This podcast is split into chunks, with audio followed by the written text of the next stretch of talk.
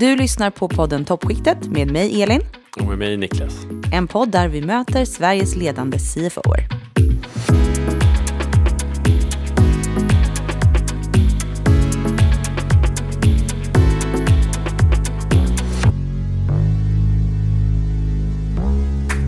Ja, Elin, nu är vi igång igen ett nytt avsnitt av, av podcasten. Eh, och idag har vi en fantastiskt intressant gäst. Det har vi verkligen. Vi har ju blivit gästade av Åsa Bergström från Fabege. Vi pratar bland annat om att planera en helt ny stadsdel från ingenting, Arenastaden. Vi pratar om framtidens kontor som kommer att bli en väldigt intressant fråga framöver tror jag. Och även vilka ägg som ska läggas i vilken korg.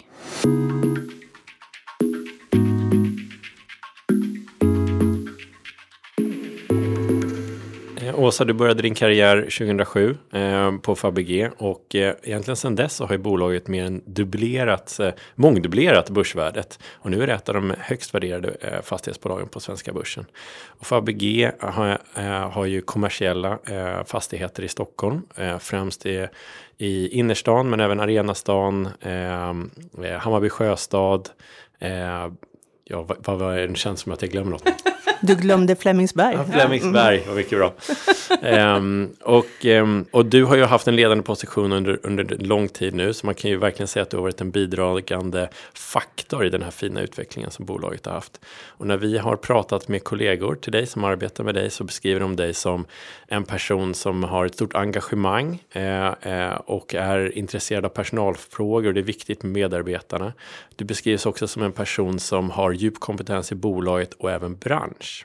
Och med det så självklart hälsar vi dig välkommen till toppskiktet och är jätteglada att ha dig här Åsa Bergström. Välkommen! Tack så mycket, kul att få vara här. När du hör de här, den här beskrivningen av dig, en person som har djup kompetens av bolag och bransch, du är en engagerad ledare och eh, stort medarbetarfokus och har varit en ledare och bidragit till den här utvecklingen av bolaget. Hur, hur känns det att höra det?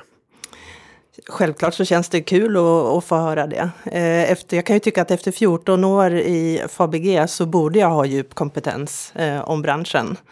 Eh, och det, det, är faktiskt inte första gången som jag jobbar på ett fastighetsbolag heller, utan jag har ju bakgrund kan man säga både inom branschkollegor till er, från KPMG till andra fastighetsbolag. Så att när jag kom till Fabege 2007 så var jag en återvändare faktiskt. Mm. Vad har du varit innan, från, om man tänker när du, om, den, när du återvände? Eh, jag brukar lite slarvigt säga att jag har haft två eh, arbetsgivare. Jag började på dåvarande Bolins, hette det ju på den tiden, revisionsbyrån, när jag var färdig med universitetet. Och jobbade där i ja, lite drygt två år blev det när jag halkade över till en av kunderna som var ett fastighetsbolag. Eh, och det fastighetsbolaget blev sen så småningom förvärvat av ett annat fastighetsbolag. Då kom jag in i sfären som vi kan säga med Erik Paulsson som huvudägare, som också är huvudägare för Fabege idag.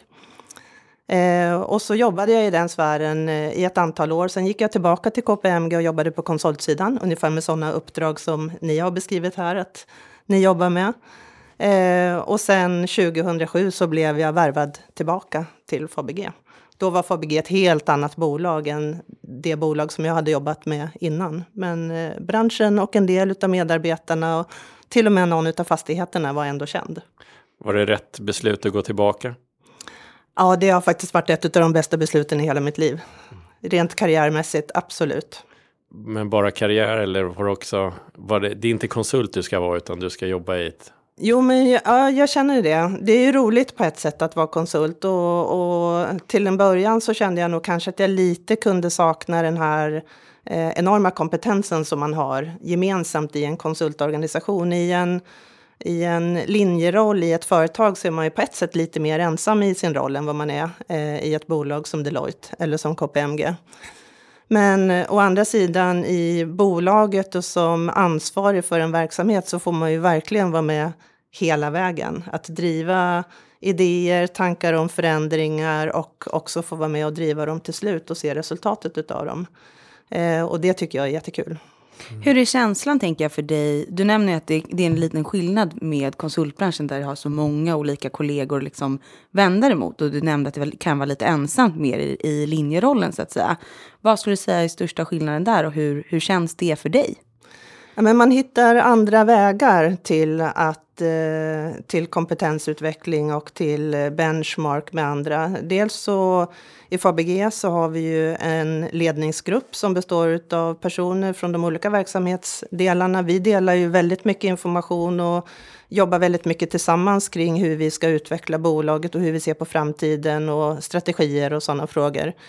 Eh, ett annat sätt är ju att delta i olika typer av nätverk. Eh, och där jag har varit engagerad under ganska många år nu i ett eh, CFO-nätverk för folk i fastighetsbranschen. Lite designat för oss själva, för jag blev uppringd för kanske 6-7 år sedan utav en konsult som ville skapa ett nätverk eh, med CFOer och frågade om jag var intresserad. Och jag sa att jag är jätteintresserad, men då får det vara andra CFOer från de andra stora fastighetsbolagen så att vi har någon gemensam plattform och någon information att dela och där det, finns liksom, där det känns meningsfullt att benchmarka sig. Så att på den vägen är det. Så att nu är vi ett CFO-nätverk med kanske ett tiotal utav de större fastighetsbolagens CFOer som ingår där. Vad är det för frågor som diskuteras där? Alla möjliga frågor utan, utom sånt som direkt handlar om konkurrenssituation och sådär. Men det finns ju jättemycket frågor kring finansieringsfrågor, till exempel hållbarhetsfrågor, frågor kring organisation och utveckling, ledarskapsfrågor. Så att eh, genom de här åren, vi brukar träffas fyra gånger per år, så att vi har haft massa olika frågor på agendan.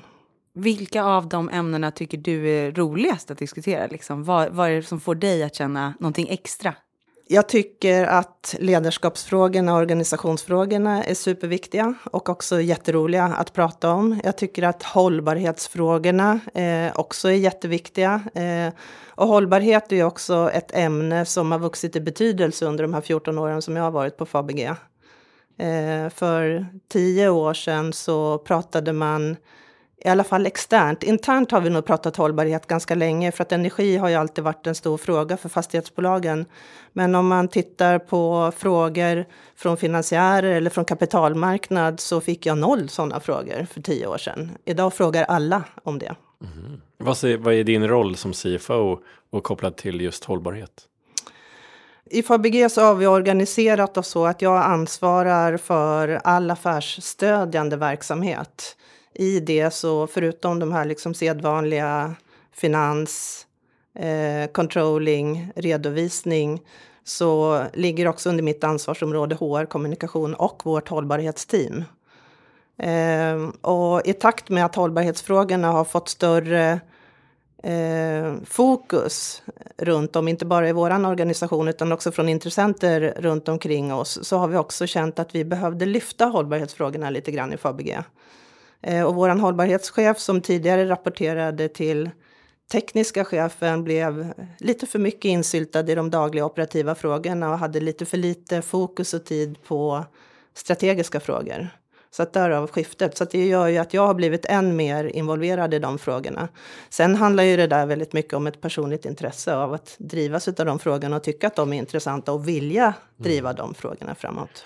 Så hållbarhet är en av de frågorna du tycker är en av dina favoritfrågor? Jag tycker den är superviktig. Hållbarhet, organisation. Är det någonting annat som du känner, ja, det här är mina frågor? Ja, finansiering är ju en jättestor fråga för fastighetsbolag. Så att det går ju inte att komma undan den frågan riktigt.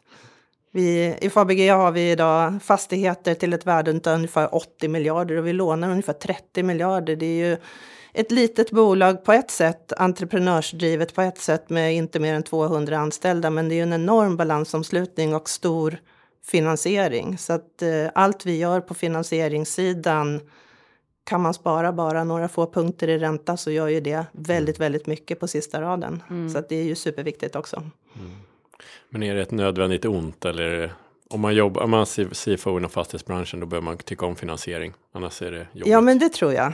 Mm. Eh, för, för, oss är det inte alls ett nödvändigt ont. Eh, vi, nu är ju Fabege också ett så starkt bolag och med ett enormt bra varumärke både hos de svenska bankerna som vi finansierar hos oss och på kapitalmarknaden bland investerarna. Så att eh, för oss är det ganska enkelt att hämta hem pengar. Men vad, är man, vad gör man då om man är bra? Är det starka relationer med banken? Eller vad eh, ja, eh, jag tror väldigt mycket på en bra balans. Eh, att inte lägga alla ägg i samma korg utan att eh, ha en stark relation med bankerna, för att bankerna finns där alltid. De har alltid funnits där. I Sverige har vi ju traditionellt sett bara finansierat oss via bank och det är ju kanske först under de senaste sju, åtta åren som fastighetsbolagen har blivit mer aktiva på kapitalmarknaden. Men kapitalmarknaden finns ju där. Eh, den erbjuder ibland bättre villkor än bank, så är det lite grann just nu. Men å andra sidan så finns den inte där i alla tider. Det märkte vi inte minst under våren 2020 när många av de här fonderna som investerar i obligationer hade stora utflöden och fick stänga eh, för nya investeringar. Och sitter man i ett sånt läge med stora refinansieringar, då kan det ju bli svårt. Mm. Så att inga, inte alla ägg i samma korg och och eh, värna om att behålla bankrelationerna för att vara en viktig kund hos de stora bankerna och säkerställa att eh, de alltid finns där för en. Och i förhållande tänker jag, till just grön finansiering som, vi, som du har pratat om. Hur, hur känner ni att ni kan säkerställa den gröna finansieringen när man pratar om liksom, de delarna? För fastighetsbolag så är det ändå ganska enkelt. För vi har ju en tillgångsmassa som vi finansierar och det är ju fastigheterna. Eh, och eh, en fastighet kan ju definieras antingen som grön eller som inte grön. Och kan man definiera den som grön så kan man också låna eh, grönt till fastigheten. Så att eh, i vårt fall så certifierar vi alla våra fastigheter. Vi använder ett system som heter BREEAM för certifieringar både för nyproduktioner och för befintliga beståndet. Eh, och sen är det vissa energikrav och det kan vara lite andra eh, klimatkrav också som ska vara uppfyllda för att man ska kunna klassa fastigheten som grön. Eh, och då blir det väldigt enkelt. Då har man en grön tillgångsmassa som man kan låna på. Okej, okay, okej. Okay. Då blir det nästan lite grann som att det som driver det är man behöver ha den här certifieringen för att på så sätt kunna få ett bättre ekonomiskt resultat. Att det finns en inbyggd styrning i det.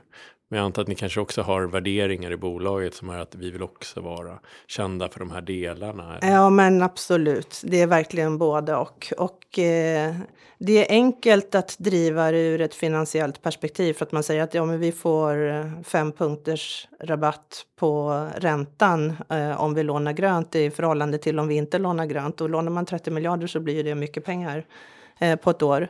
Men varumärkesmässigt så vill ju vi också ligga långt framme och visa både för investerare och för andra intressenter runt omkring oss att vi är ett bolag som tar de här frågorna på stort allvar. Eh, och sen får man inte glömma bort våra kunder. Inte minst de ställer ju allt mer och allt större krav. Vi har ju utvecklat många av de stora kontorsfastigheterna ute i Arenastaden som ett exempel, i Solna här utanför Stockholm. Eh, och vi har gjort stora uthyrningar till företag som SEB, Telia Company, Vattenfall, ICA, Svenska Spel. Det är många av de här stora bolagen som har etablerat huvudkontor eller Stora Sverige-kontor just i Solna. Och alla de här stora kontrakten hade vi inte kunnat skriva eh, om vi inte hade byggt en fastighet som uppnår vissa miljömässiga krav. Utan certifieringarna och gröna hyresavtal, överenskommelser kring hur man gemensamt ska kunna driva eh, ner energiförbrukning till exempel är jätteviktiga frågor för de här stora företagen också. Vi pratar ju väldigt mycket om i dagsläget och hållbarhet, men om man då jämför, du sa att det var en väldigt, tidigare i alla fall, att det var en väldigt skillnad när du gick in i branschen igen från hur det hade varit för till exempel tio år sedan. Hur ser just hållbarhetsfrågan ut nu jämfört med för tio år sedan? Ja, men idag så omfattar ju hållbarhetsfrågan hela organisationen och det finns så många intressenter runt omkring oss som är intresserade av vad vi gör. När jag började för 14 år sedan, då drev vi energieffektiviseringsprojekt eftersom energikostnaden är en stor kostnad och det fanns en ekonomisk uppsida i att, att minska energiförbrukningen. Eh, idag pratar man ju om att bli CO2-neutral, både i sin förvaltning och i sin produktion. Eh, gröna hyresavtal har ju funnits på tapeten kanske 7-8 år. Eh, någonting. Grön finansiering har ju kommit starkare och starkare. Det, var ju, det fanns ju inte överhuvudtaget för ett antal år sedan. Och lite som jag sa, att när vi var ute och träffade investerare när jag började på Fabege, då hade de noll frågor om hållbarhet. Mm. Eh, idag vill ju alla veta och det kommer mer och mer lagkrav, eh, mer och mer krav på rapportering och att vi också ska kunna visa hur vi, inte bara idag men även i framtiden, ska kunna leva upp till de här kraven. Vad skulle du säga är det som har drivit utvecklingen? Är det drivet från myndigheter med regelverk eller är det i slutändan slutkonsumenten som har ställt högre krav? Är det varumärke för bolaget? Ja, men det är en kombination av flera saker. Det är klart liksom att det kommer nya regelverk och tuffare krav i nyproduktion av fastigheter som man behöver förhålla sig till. Eh, det finns finansiella aspekter som lägre räntekostnader och lägre energikostnader. Men som jag sa tidigare också mycket drivet av att kunderna ställer krav på det. Eh, men också en intern stolthet och ett engagemang i att jobba för ett företag som man upplever som anställd ligger lite i framkant. Det tycker inte minst jag är viktigt. Och då, nu sitter jag här i er podd och berättar om vårt hållbarhetsarbete och är jättestolt och glad över allt det som vi gör. Mm. Så att det är ju liksom ett tecken på, på det engagemanget. Och i takt med att vi har visat organisationen att det lönar sig och att det finns en uppsida i att driva de här frågorna så har vi också fått ett engagemang från alla våra medarbetare. Mm. För det här är ju inte ett jobb som man gör på en finansavdelning eller bara på en hållbarhetsavdelning utan det involverar ju så många människor i vår organisation. Från alla beslut man tar kring inköp inom teknisk drift till de stora byggprojekten, hur vi hanterar byggprojekten, transporter, materialval. Det finns ju tusentals sådana här frågor som har en påverkan på vad vi sen kommunicerar kring vårt hållbarhetsarbete.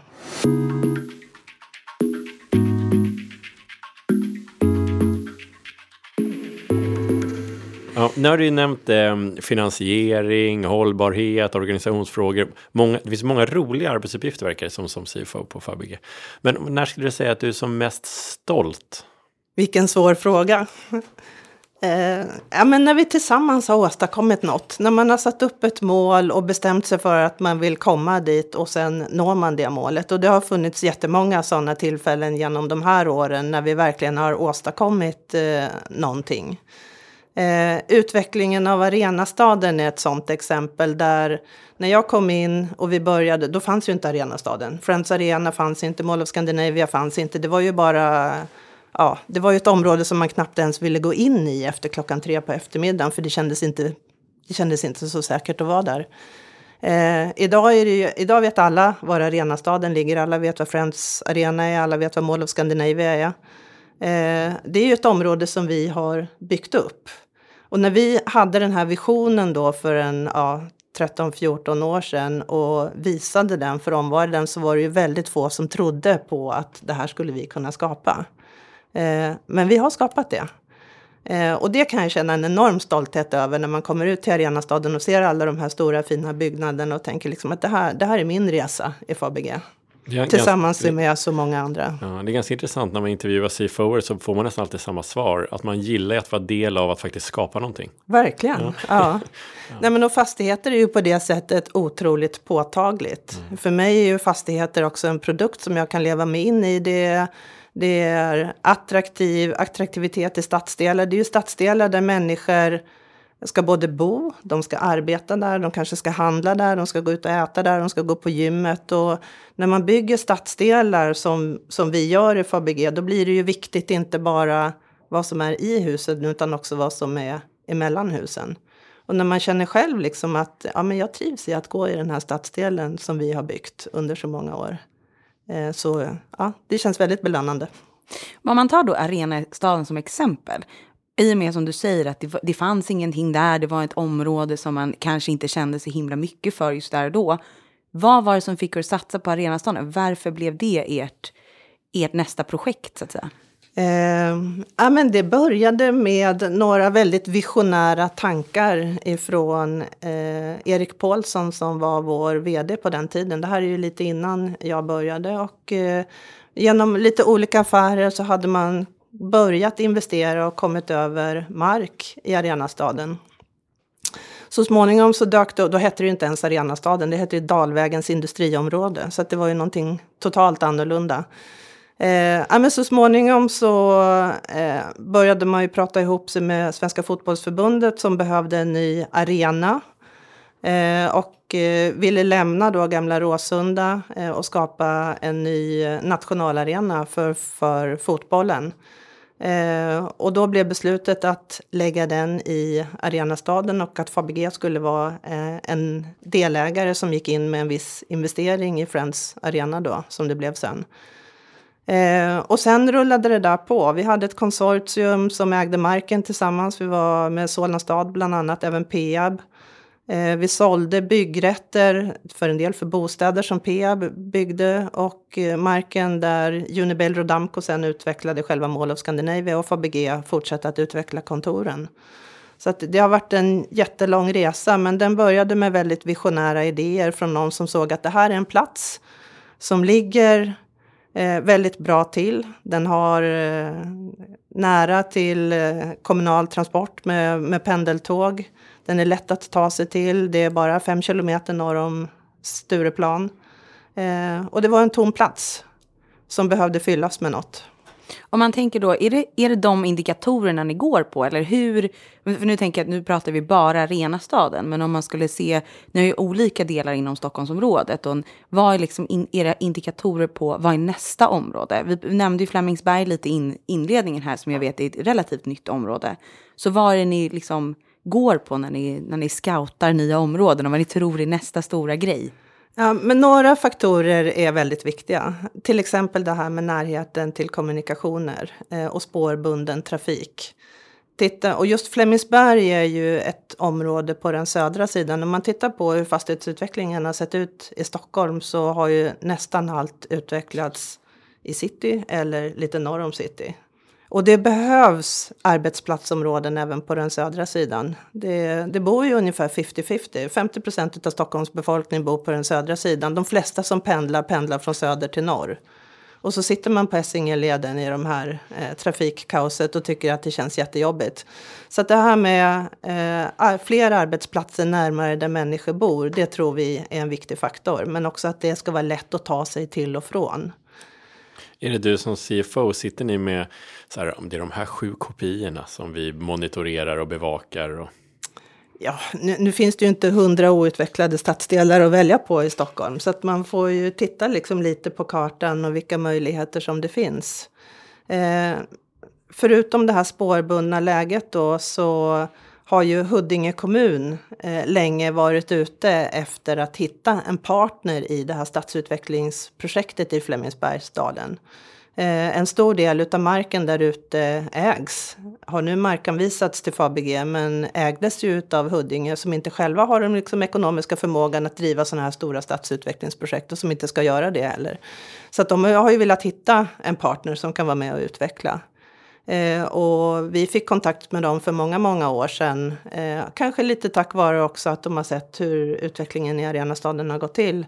Och fått förtroende för att Fabege skulle kunna vara en part som kan vara med och driva de här frågorna då. Eh, men ytterligare en faktor som har varit väldigt viktig där, det är också att det är ett Flemingsbergsdalen är ett stort oexploaterat område. Det är lagerbyggnader, lite lättindustri, lite småföretag, ganska mycket parkering och bara ganska trist mark. Det ser ut lite som Arenastaden såg ut för 15 år sedan. Eh, och där man verkligen har möjlighet att med investeringar skapa någonting helt nytt från grunden.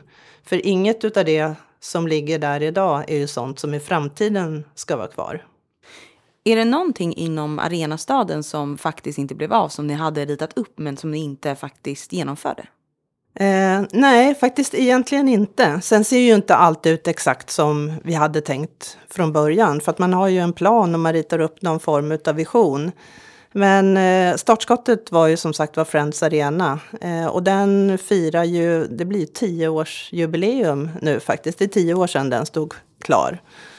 Eh, och eh, själva uthyrningen till Unibail Rodamco, eller att försäljningen av byggrätten till Unibail Rodamco, den tog lite extra tid. För den diskussionen pågick även då kring liksom 2007. Sen råkade det komma en liten finanskris eh, i vägen.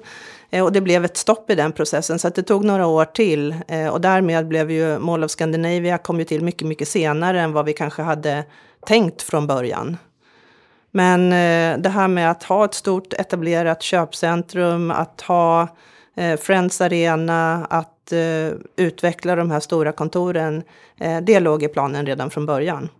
Det som vi har jobbat med nu, det är också att tillföra mer bostäder till området det är lite för tomt. Det finns ju en del insprängda bostäder i fasaden på Mall of Scandinavia och lite ovanpå taket och det finns lite gamla bostadskvarter runt omkring och det finns ju de här höghusen som ligger eh, bakom Friends Arena. Men i övrigt så är det inte så mycket bostäder i området.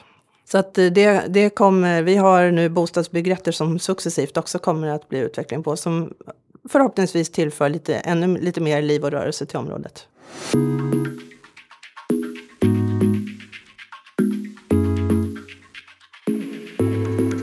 Tittar man på statistik de senaste tio åren eh, så har vi haft en eh, vakanser har gått ner. Det är sällan, sällan, sällan fastigheter står tomma. Eh, hyres, hyror har gått upp. Man skulle nästan kunna argumentera för att det har varit en exceptionell marknad. Eh, och då tänker man lite grann så här hur du som har både i rollen som CFO men också som del i ledningen för det här. Hur, hur svårt har det varit att, att eh, driva och utveckla ett bolag när man har varit den här marknaden? Alltså de här sista åren, eh, om vi börjar efter finanskrisen, någon gång kring 2010 då, sista tio åren, så har det ju varit en fantastisk resa. Eh, egentligen har ju allt talat för fastighetsutveckling. Vi har haft eh, superlåga räntekostnader, nollräntor. Man har i princip liksom bara betalt marginalen, kanske till och med kunnat emittera någonting på minusränta. Det är ju liksom helt nya förutsättningar på finansiella sidan. Eh, samtidigt som vi har haft en god tillväxt i Stockholm och ökande hyresnivåer och ett jättesug efter nya eh, arbetsplatser och kontorslokaler. Stockholm har ju haft en tillväxt under många år som lite grann har avtagit nu också i takt med att det faktiskt blir svårt att hitta boenden och det blir för dyrt för människor som vill flytta hit att hitta boenden. Men eh, ju fler människor i Stockholm som är så dominerat tjänstemässigt utav människor som faktiskt ofta verkar i kontor ju fler människor som flyttar hit, desto fler kontorsarbetare får vi, desto större behov av lokaler. Lite så har ju liksom ekvationen sett ut under ganska många år. Så att eh, det är klart, liksom på det sättet så har det ju inte varit jättesvårt, mm. utan ganska tacksamt. Men om man tänker då, sen hände ju någonting då, sen kom ju då hela, hela corona och covidkrisen. Eh, och nu ser vi lite, eventuellt då, det är intressant att höra vad du tycker, men ändrade drivkrafter. Vi hör mycket om att man vill arbeta hemifrån och inte arbeta lika mycket på kontor och sånt där. Är det så att ni nu springer runt där med strategimöte efter strategimöte och ser över hur ni ska anpassa eh, ja, vad ni, för att hålla uppe samma nivåer och liknande? Ja, men eh, hur det här kommer att utvecklas är ju lite 10 000 kronors frågan just nu som egentligen ingen kan svara på. Vi som har örat mot marken varje dag ser inga tydliga trender. Jag tror att det är lite för tidigt faktiskt att svara på frågan hur kommer företagen agera? Eh, en del har ju i allt större utsträckning börjat återvända till kontoren. Andra företag har bestämt att ingen får vara på kontoret, i varje fall inte förrän 2022. Eh, så det ser väldigt olika ut hos våra kunder och jag tror att många av våra kunder de sitter idag och funderar över sina behov och hur de ska designa sina kontor och vad de vill använda dem till framöver. Är ni med i den här? För du säger att ni har örat mot marken. Vad, innebär det att ha örat mot marken? Ja, men vi pratar ju med våra kunder, självklart. Eh, så att, eh, vi, vi har någonting som vi kallar för strategiska kunddialoger. Där vi träffar våra kunder för att eh, skapa förståelse för deras behov, lyssna på hur de tänker om sin verksamhet, hur det fungerar med lokalerna, vad de har för behov idag, vad de kanske har för behov i framtiden. Så att vi försöker ju hela tiden bilda oss en uppfattning om det finns ett förändrat behov eller om man ser någon, något annat behov än vad man har idag.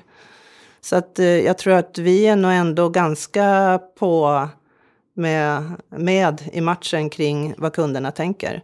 Sen är det såklart väldigt olika. Vi har ju också företag som har valt att minska i samband med omförhandlingar. Eh, några sådana här internationella bolag där det kommer liksom riktlinjer eh, uppifrån att eh, nu är det kast, kast, kast, vad heter det? Cost cutting. Cost cutting, eh, ja. Och där man bara får se till att, att genomföra det. Men å andra sidan så ser vi ju andra kunder som eh, har fått förändrade behov där man behöver växa lokalerna istället. Eh, vi tror att eh, människor kommer resa mycket mindre. Vilket gör att man kanske jobbar mer på hemmaplan än vad man har gjort tidigare. Man åker inte till Göteborg för ett möte på en timme, man kan ta det på Teams. Det kommer vara en mycket, mycket större flexibilitet där fler kommer jobba hemifrån ibland och jobba på kontoret ibland. Ser ni någon ändring i hur kontoren eh, designas så att det Ska det finnas ja, mer sociala ytor för att um, umgås eller mera specifika kontor som man kan ställa, stänga in sig och ha Teamsmöten? Vi tror det. Mm. Jag kan inte säga att vi ser det idag. Jag tror att det är lite för tidigt också. Men jag tror att kontoren kommer bli mer utav samlingsplatser och eh, Eh, dels platser där man samlas för att man behöver träffas eh, och i olika typer av samarbetsprojekt. Eh, men också designade på ett sätt så att när man är på kontoret också kan sitta på en plats och ha ett Teamsmöte på kontoret. Eh, så att, eh, att bara ha öppna landskap tror jag inte på, utan jag tror att det kommer bli liksom mer blandning utav mötesrum och små eh, arbetsrum. Men eh, trenden går ju ändå emot allt mindre fasta arbetsplatser och mer flexibilitet. Och det är klart, ska man inte vara på kontoret varje dag i veckan, varför ska man då ha en arbetsplats som är designad bara för en själv? Man pratar ju också lite om att folk flyttar ut från just storstäderna och flyttar, flyttar längre ifrån för att det blir billigare att bo, till exempel, som du nämnde innan. Är det några sådana trender som ni ser så att det kommer minska behovet av kontoren just inne i stan, eller inne i stan eller utanför Stockholm, i Stockholmsområdet tänker jag, som, gör, som kommer påverka er strategi på något sätt? Är det några sådana indikatorer som ni ser? Vi ser inte det idag. Eh, men jag tror som sagt var att man får ge våra kunder lite mer tid kring att fundera ut själva och märka själva hur deras medarbetare kommer att jobba och hur de vill att eh, medarbetarna ska jobba innan, vi, innan det blir tydligt för oss att man kommer liksom med förändrade behov. Men då blir det mer som att ni, ni lyssnar in, ni vill höra hur kunderna tänker och sen anpassar ni där. Det är inte så att ni säger det är så här vi tror. Nu vill vi driva åt det här hållet. Nej, men vi lyssnar ju alltid på kunderna eh, och deras behov. Vi försöker ju tillhandahålla det som kunderna behöver. Det man kan tänka som, som fastighetsägare det är ju att man vill ha eh, kontorshus som medger den här flexibiliteten. Vi vet ju här inne i Stockholm city till exempel att eh, coworking som fenomen har ju vuxit enormt mycket. Eh, och passar en del företag att inte ha sina egna lokaler utan man hyr in sig och man får all service utan att liksom behöva betala för den. Eller man får ju betala via hyran då, men utan att eh, behöva göra den själv. Och vad är coworking bara för alla som inte är helt... Eh, ja, men med coworking så är det ju delade arbetsplatser där man hyr in sig i färdiga kontor som man delar med många andra. Alltså man har inte företagets egna inom fyra väggar utan man delar på kontorsarbetsplatser och man delar på annan typ av service eh, som ligger runt omkring. Sånt som kanske företag normalt sett annars eh, investerar i själva. Typ en poddstudio eller någonting sånt. Vi arbetar ju såklart jättemycket mot ekonomifunktionen och där har man ju alltid pratat om att det är viktigt att sitta nära eller viktigt att sitta på plats. Så jag tänker om man ser sådana olika trender, om man ser man skillnad i olika funktioner inom ett bolag och vad de har för behov rent lokalmässigt. Att ser man att ja, men till exempel en av era hyresgäster, där sitter alltid ekonomifunktionen kvar. Eller de har alltid varit inne även under corona till exempel för de behöver närheten. Eller kan man se någon sån skillnad? Ja, men jag tycker Fabege att vi själva är ett jättebra exempel på hur, hur det har kunnat fungera under den här tiden. För att eh, vi stängde ju vårt kontor i princip eh, våren 2020 för de som inte behövde vara där. Så att vi har inte sagt att det är förbjudet att gå in på kontoret, men vi har sagt jobba hemma om du kan. Kom bara in till kontoret om du måste. Eh, och de som behövde vara inne hos oss, det är ju vår tekniska personal som är ute och sköter fastigheterna. De behövde ju samlas ibland på kontoret. Även om vi till och med dem delade vi upp i olika team som inte skulle möta varandra för att de inte skulle smitta varandra om det skulle bli någon smittspridning eller så. Eh, våra projektledare som eh, projektleder byggena, de, blev, de var ju också tvungna att vara på plats. Så vi hade ändå en ganska stor andel av personalen som inte kunde jobba hemifrån utan som behövde vara på plats åtminstone från tid till annan. Medan just ekonomipersonalen som, som du tog som exempel nu, de kunde faktiskt jobba jättebra hemifrån. det gick hur bra som helst.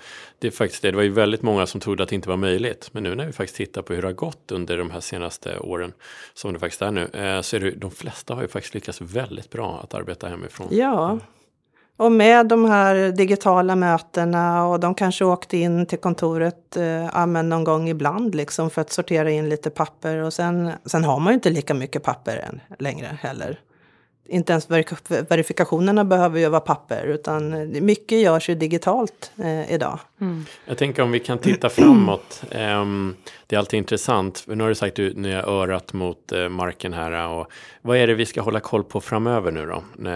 så att vi, är det några signaler eller rapporter som vi ska hålla koll på för att se hur det utvecklas med när det gäller just hur vi använder kontor och fastigheter. Kanske framförallt för Stockholm då, där Fabege är stark. Eh, ja, men eh, just den här hemmaarbetstrenden och i vilken utsträckning människor kommer att vilja arbeta på ett mer flexibelt sätt och vad det innebär för kontoren. Det, det behöver ju vi verkligen hålla koll på, vi som är i kontorsbranschen. Eh, det dyker ju upp en massa andra fenomen också när människor jobbar hemma. Istället för att äta lunch på stan så äter man lunch där man bor. Eh, jag själv till exempel bor på Ekerö och har sista ett och ett halvt åren ibland gått ut på lunchrestauranger på Ekerö. De har aldrig sålt så mycket luncher som de har gjort tidigare. Så att eh, det, det, det kommer ju liksom, det föder ju nya verksamheter på något sätt också hållbarhetsfrågan, eh, hur vi säkerställer eh, att vi kan nå våra mål kring klimatneutralitet och halvering av CO2-utsläppen. Eh, det kommer vara superviktiga frågor där vi kommer eh, behöva utvecklas. Alltså det är ju tekniker som vi kanske inte kan idag men, men som eh, kommer att utvecklas. För det blir bara mer och mer krav på rapportering eh, från olika håll och kanter. Du var lite inne på det själv, att du har suttit på Ekerö och, och mer framtiden, hur den kan se ut. Men om du skulle få designa din egen liksom vardag i hur du skulle vilja att ditt kontor, även om det är virtuellt eller hemifrån, eller hur skulle du designa det då? Hur skulle det se ut? Ja, men eh, jag har, nu har jag jobbat hemifrån eh, ända fram till i våras. Fast jag har kanske behövt checka in på kontoret någon gång ibland för att eh, signa på papper eller för att det har varit specifika tillfällen. Sådär. Men jag märker att jag vill väldigt gärna vara där faktiskt.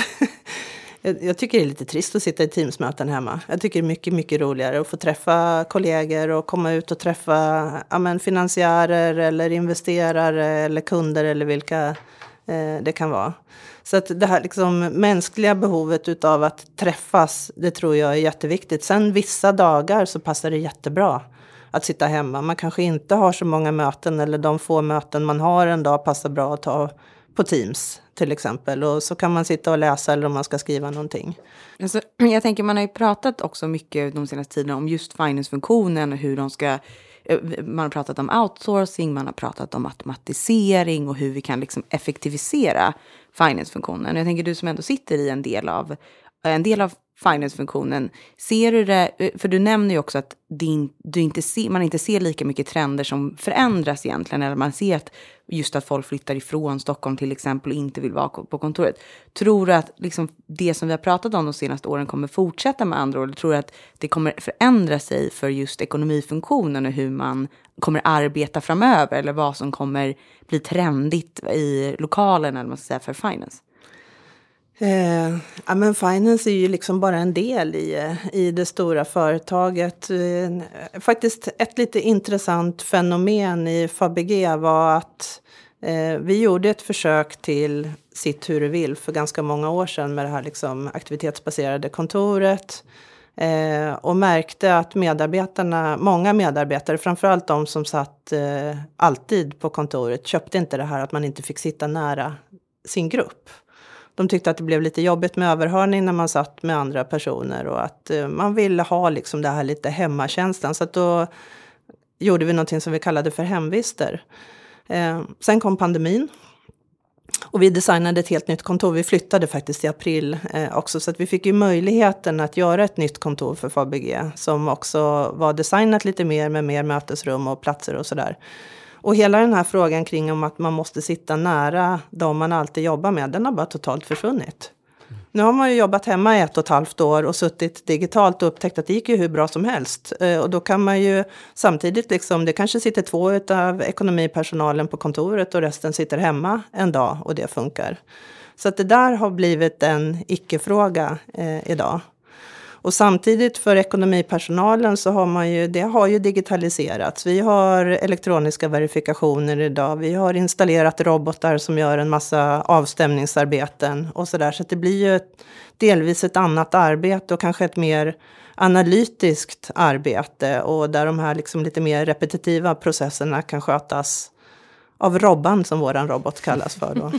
Får jag testa en fråga på dig då? då? Jag har varit i diskussion med två, två stora svenska bolag. Då är det, då är det stora ekonomifunktioner.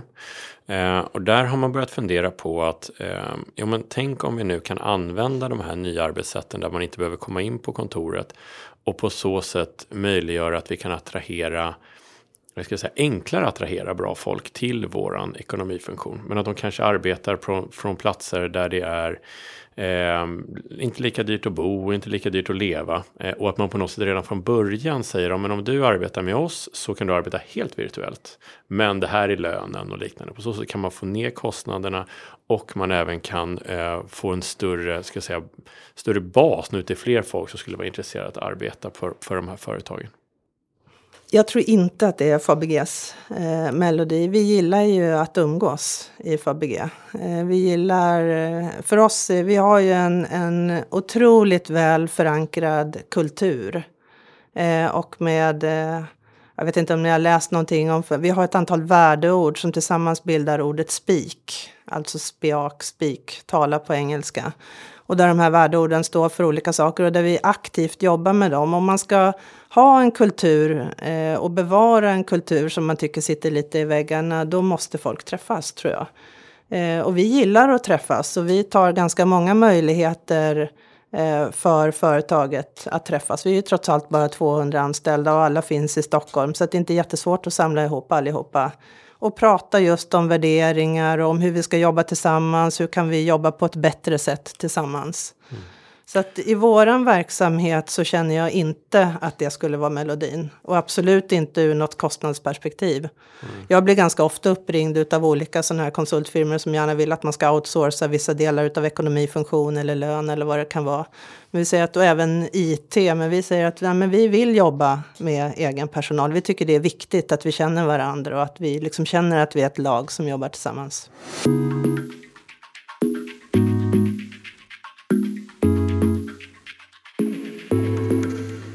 Du pratar ju om att Fabege gärna sitter ihop och vill, vill ha närvaro till varandra. Samtidigt som vi också tidigare var inne på den här roboten Robban som ni har för att matisera. Plus att ni under just corona har märkt att man kanske inte just behöver sitta ihop heller. Utan att man kan sitta på olika platser. Hur går det ihop med det som du säger att ni vill sitta gärna ihop men ändå kan sitta virtuellt? Ja, men jag, tycker, jag tycker inte att det är något motsatsförhållande, för det handlar ju om att känna varandra. Och att känna varandra och känna tillhörighet behöver ju inte betyda att man varje dag sitter tillsammans. Eh, men om man tar vår ekonomiavdelning som ett exempel så träffas de fysiskt alltid två dagar i veckan som de har bestämt. Och sen är de lite mer flexibla med hur de arbetar. Så att, eh, men det här att liksom ha en närhet och ha en naturlig plats där man vill träffas och att man vet att det finns kollegor där. Det är ju det som gör att det blir roligt att gå till kontoret. Det märker vi också nu när vi har börjat komma tillbaka till kontoret i större utsträckning. Att ju fler som kommer tillbaks, då lockar det ännu fler som också vill vara där. Mm. Helt plötsligt är det jättemysigt att sitta där och fika klockan nio på morgonen för att man vet att det är många andra som gör det också. Medan jag som har checkat in på kontoret någon gång ibland under hela den här tiden, jag har ju varit en av kanske fem som har varit där. Det har ju varit ödsligt. Det är det inte längre, utan det är välkomnande och varmt och härligt eh, att vara där. Och Robban sa det också att Robban gör ju inte de roligaste processerna. Alltså de arbetsuppgifterna är ju inte de som man längtar efter att sitta och göra själv. Så att, eh, det är inte så att man blir utkonkurrerad utav Robban utan snarare att man får ägna sig åt sådana arbetsuppgifter som känns lite roligare. Ja, men eh, nu är alla tillbaka då på kontoret och, och, och sådär. Vad är det ni, vad pratar ni om när ni sitter där och, och fikar tillsammans? Men man pratar om allt möjligt. Det är liksom mellanmänskliga samtal. Det är klart, det blir ju, det blir ju ändå väldigt mycket jobb. Eh, och det är kanske det man har saknat också, de här naturliga avstämningarna i att man bara får syn på en kollega och kom på när man ser den personen. Så visst, jag hade ju faktiskt en fråga till den här personen. Som man aldrig kom sig för att mejla eller boka upp ett Teamsmöte eller ringa till när man sitter hemma. Så att det är klart att det liksom blir mycket diskussioner kring saker som är på gång i Fabege och vad vi håller på att jobba med eller jobbfrågor rent. Men sen är det ju också det här sociala kittet liksom kring vad ska du göra i helgen och vad gjorde du på höstlovet och hur är det med familjen och eh, man, vi känner ju varandra. Mm. Så att eh, det är verkligen högt och lågt och allt möjligt på de här sammankomsterna. Låter trevligt. Ja men det är trevligt. Om man, om man växlar lite då till dig Åsa och din roll inom Fabege. Du är både CFO och även vice vd. Och som jag förstår så kan det vara lite vanligt inom fastighetsbranschen. Hur kommer det sig att, det ligger, att vd-rollen så att säga och CFO-rollen ligger väldigt nära varandra? Ja, men man, eh, jag tror att eh, i de här, den här börsnoterade miljön så är man ju väldigt mycket ute och möter investerare. Och eh, även när vi möter våra finansiärer eller i Fabeges fall så har vi också en rating från Moody's så behöver man prata om så mycket mer frågor än bara de finansiella frågorna. Det är mycket liksom kring verksamheten och det som vi har pratat om här också. Hur, det gäller liksom att hänga med i vad, vad som är viktigt för verksamheten och verksamhetens utveckling. Så att mitt perspektiv är ju mycket större än bara ekonomi och finans. Och jag sitter ju med de här frågorna hela dagarna också. Det är ju sånt som vi sitter och diskuterar när vår ledningsgrupp har möten kring förvärvsfrågor, om vi ska sälja något, kring olika typer av investeringsbeslut. Eh, även finansieringsfrågor, mycket kring hållbarhetsfrågor. Så att eh, på det sättet så är det ju enormt brett och man behöver ha den här kunskapen för att vara en bra talesperson för sitt bolag.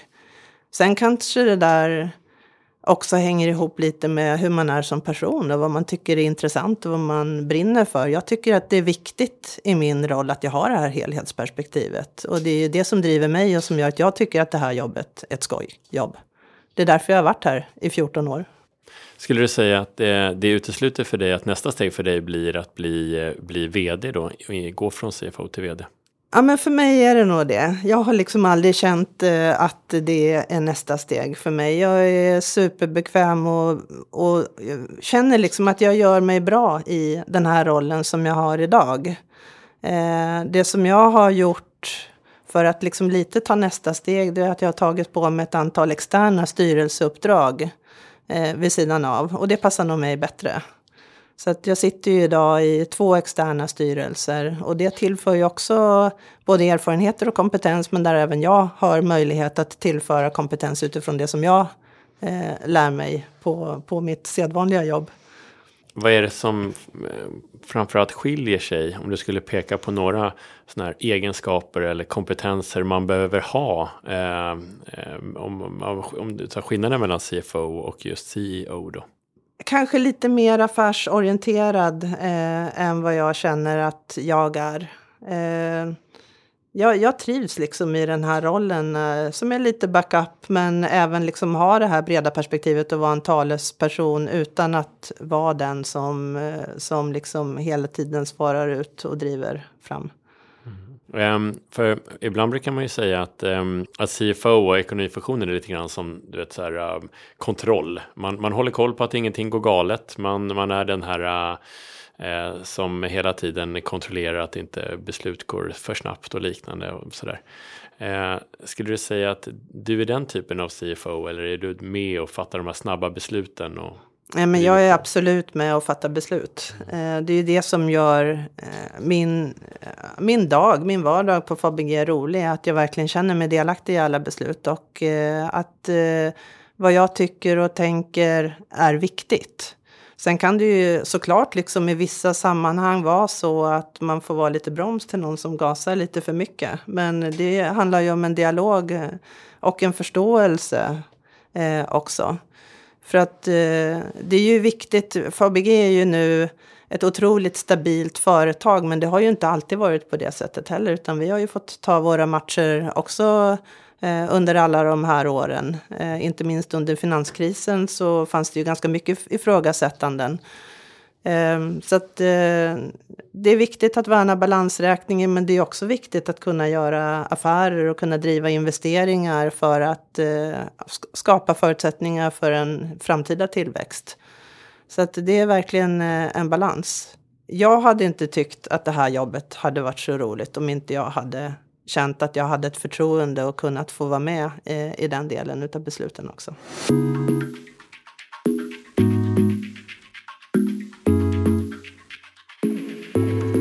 Ja, jag måste säga att det har varit jätteintressant att få höra dina tankar. Eh, och fastigheter, jag vet när jag började på Deloitte så hade jag en mentor som sa till mig så här att se till nu att du eh, lägger tid och fokuserar på en bransch som är viktigt för samhället. På så sätt kommer du alltid kunna relatera till den och liknande.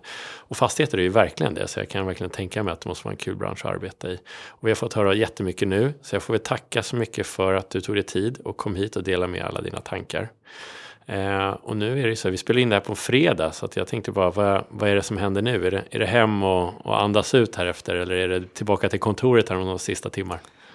Eh, ja, men tack själva för att jag fick vara här. Bara superkul att få sitta här första gången i en poddstudio och prata Fabege och mig själv. Eh, ja, men fredag eftermiddag. Jag ska faktiskt tillbaka till kontoret för jag ska hålla en intervju, en anställningsintervju i eftermiddag. Eh, och sen ska jag snabbt hem och sen ska jag ut och äta middag på stan ikväll. Oj, det låter helt fantastiskt. Ja, faktiskt. Bra avslutning på veckan. Mm. Vi får önska lycka till med anställningsintervjun också. Ja, tack så mycket.